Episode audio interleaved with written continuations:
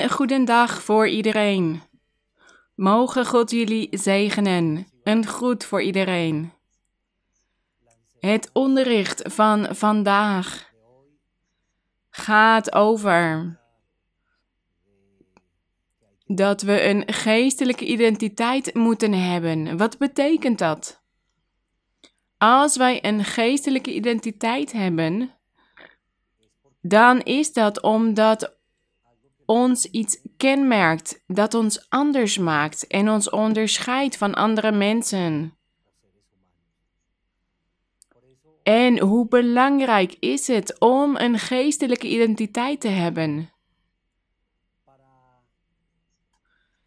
Om die geestelijke identiteit te hebben. Wat moet ons kenmerken dat we anders zijn, dat we ware christenen zijn?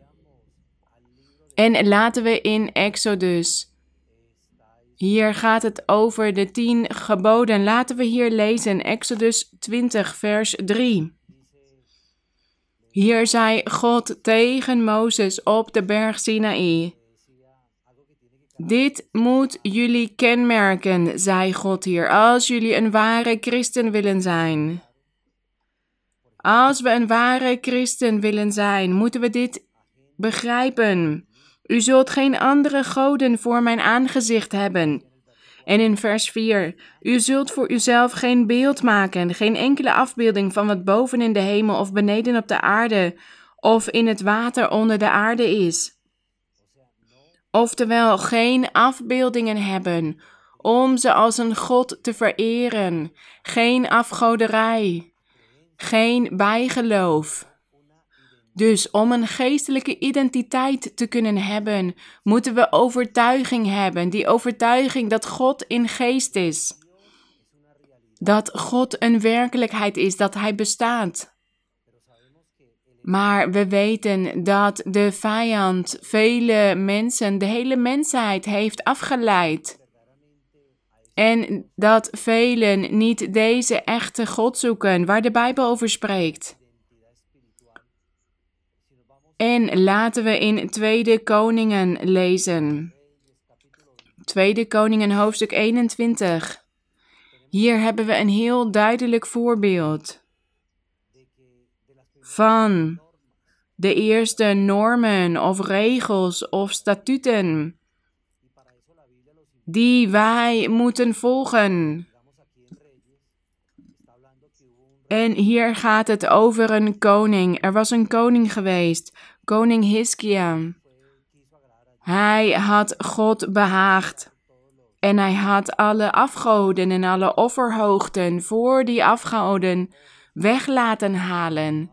Die goden die een mond hebben, maar niet spreken, en die ogen hebben, maar niet zien, en die oren hebben, maar niet horen.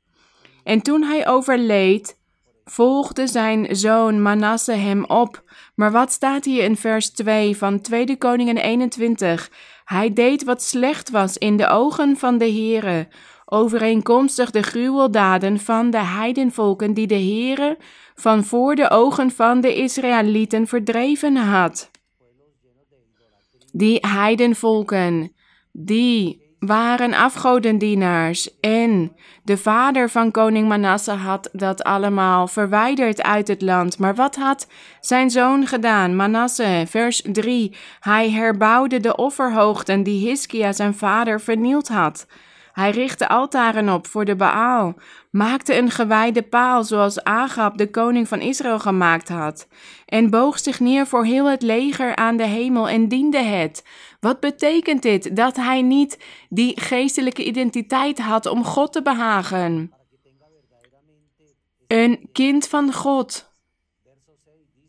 Wat mag hij niet doen? Vers 6. Hij liet zijn zoon door het vuur gaan. Deze koning offerde zijn eigen kinderen op aan de demonen. En wat staat hier nog meer? Hij duidde wolken en deed aan wichelarij. Maar als wij een geestelijke identiteit als van een ware christen willen hebben, dan doen wij hier niet aan mee. Dan doen wij niet aan wichelarij of dan duiden wij geen wolken. En wat had deze koning nog meer gedaan? Ook stelde hij doden bezweerders en waarzeggers aan.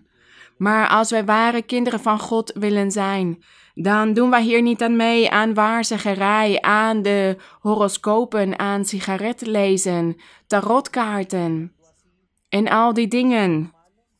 Want hier staat, hij deed zeer veel kwaad in de ogen van de Heere, om hem tot toorn te verwekken. God tot toorn te verwekken. En dat is wat wij niet willen doen. Want God straft iedereen die niet die geestelijke identiteit heeft als een kind van God. Als een persoon zich werkelijk niet aan God wil overgeven. En daarom zijn dit mijn raadgevingen. Om een geestelijke identiteit als dat van een kind van God te hebben. En laten we lezen in 1 Petrus hoofdstuk 1 vers 13. Hier staat: Omgord daarom de lendenen van uw verstand. Wees nuchter en hoop volkomen op de genade die u gebracht wordt in de openbaring van Jezus Christus. Dus hier staat dat wij onze lendenen moeten omgorden. Maar waarvan? Van het verstand. Het verstand, we moeten het evangelie begrijpen, de geloofsleer. We moeten hier verstand voor hebben om God te kunnen behagen, om ware kinderen van God te kunnen zijn. Door een geestelijke identiteit te hebben dat ons kenmerkt, dat mensen zeggen: deze man of deze vrouw is anders. Maar waarom? Omdat hij een geestelijke identiteit heeft. Omdat hij heeft geleerd om nuchter te zijn, zoals hier staat. Dus hij is gematigd. Hij is niet fanatiek. Hij doet geen overdreven dingen. Hij is gematigd in alles en heeft verstand. En hij wil het woord van God doen en God behagen in alles. En wanneer we dat allemaal willen, dan hebben wij die geestelijke identiteit. Vers 14. Word als gehoorzame kinderen niet gelijkvormig aan de begeerten die er vroeger in de tijd van uw onwetendheid waren. Ja, velen van ons kenden het evangelie niet. Voorheen. Wij kenden deze waarheid niet. Wij wisten niet dat God geest en waarheid is. En daarom waren wij onwetend wat betreft God. En hoeveel van ons hadden nooit een Bijbel geopend in ons leven, maar nu wij die kans hebben om die ware God te leren kennen, zijn wij aan het leren dat God een werkelijkheid is, dat Hij in geest en waarheid bestaat en dat Hij leeft. En dat we een geestelijke identiteit moeten hebben om Hem te behagen, zodat we anders zijn dan alle andere mensen. Vers, vers 15. Maar zoals Hij die u geroepen heeft, heilig is, wordt zo ook zelf, hoe? heilig in heel uw levenswandel. Wat betekent dat? Dat wij ons afzonderen van de wereld, van de zonde. Dat wij ons leven aan God wijden. Dan krijgen we een geestelijke identiteit. Dan zijn we ook heilig in heel onze levenswandel. Dan behagen we God in alles. Hoe kunnen wij ware kinderen van God zijn? Dan moeten we heilig zijn. We moeten de zonde afleggen. En in 1 Petrus hoofdstuk 2 vers 1 staat: Leg dan af alle slechtheid, alle bedrog, huichelarij, afgunst en alle kwaadsprekerij. Dus kijk wat we allemaal moeten doen als wij die geestelijke identiteit willen hebben, als van een kind van God. Als wij echt God willen behagen, dan moeten we een goed getuigenis geven. En hoe geven wij een goed getuigenis? Door dit alles af te leggen: de slechtheid, bedrog, huichelarij. Omdat God in ons hart komt, omdat de gelovige God aanneemt in geest en waarheid en echt een kind van God wil zijn. En daarom wil hij goed leven en de afgoderij afleggen. Waarom? Omdat hij een geestelijke identiteit aan het verkrijgen is. Omdat hij God wil behagen. En hier staat in vers 2, dus 1 Petrus 2, 2. En verlang vurig als pasgeboren kinderen naar de zuivere melk van het woord, opdat u daardoor mag opgroeien. Dat is wat wij willen. Dus die geestelijke identiteit, die leren wij te hebben als wij leren God te kennen door die zuivere melk van het woord. Daarom horen we de Bijbel te lezen. Dus welk boek raden wij aan om te lezen? De Bijbel. En welk ander boek? De Bijbel. Want dit is het woord van God, alleen de Bijbel. Want mensen lezen zoveel boeken over theorieën en, en dingen die de mensen hebben bedacht. En dit zorgt ervoor dat hun verstand, hun gedachten afstand nemen van God, omdat zij geen sterk fundament in hun geestelijk leven hebben. En daarom worden ze afgeleid door al die theorieën en al die andere dingen. Maar degene die overtuiging heeft, die begrijpt dat dit het woord van God is en dat God bestaat en dat Hij zich openbaart in de kerk van God, ministerieel van Jezus Christus internationaal. En dat God spreekt en dromen geeft en visioenen geeft. Dat Hij een werkelijkheid is. Dat kan iemand begrijpen in zijn verstand en in zijn hart als hij een geestelijke identiteit heeft. In 1 Johannes, iets verderop, hoofdstuk 3, vers 9. Ieder die uit God geboren is, doet de zonde niet. Want zijn zaad blijft in hem en hij kan niet zondigen omdat hij uit God geboren is. Ja, natuurlijk, hij heeft God leren kennen. Zijn hart is door God veroverd. En wat gaat God dan doen in het hart van die persoon? In het verstand van die persoon, die overtuiging begint te verkrijgen, die die geestelijke identiteit begint te verkrijgen, die een goed getuigenis aan het geven is. God begint hem dan te veranderen en zorgt ervoor dat hij niet meer zondigt. Waarom? Omdat hij die geestelijke identiteit heeft om God te behagen. En daarom doet hij moeite en strijdt hij elke dag om echt een kind van God te kunnen zijn. En laten we afsluiten in het Evangelie volgens Lucas. Evangelie volgens Lucas, hoofdstuk 12. Evangelie volgens Lucas, hoofdstuk 12, vers 8. Lucas, hoofdstuk 12, vers 8. Hier staat in het woord van de Heer. Want des te meer wij die geestelijke identiteit krijgen, dat wij overtuigd zijn van alles van God. Hier staat in vers 8: En ik zeg u, dit zei de Heer: Ieder die mij beleiden zal voor de mensen, die zal ook de zoon des mensen beleiden. Oftewel, onze Heer Jezus Christus zal hem ook beleiden voor de engelen van God. Wat wil dit zeggen? Dat als wij een geestelijke identiteit hebben, als wij ons werkelijk als een kind van God beschouwen, als wij weten voor wie wij staan en waar wij staan, dan schamen wij ons er niet voor. Dan schamen wij ons niet voor onze geestelijke identiteit.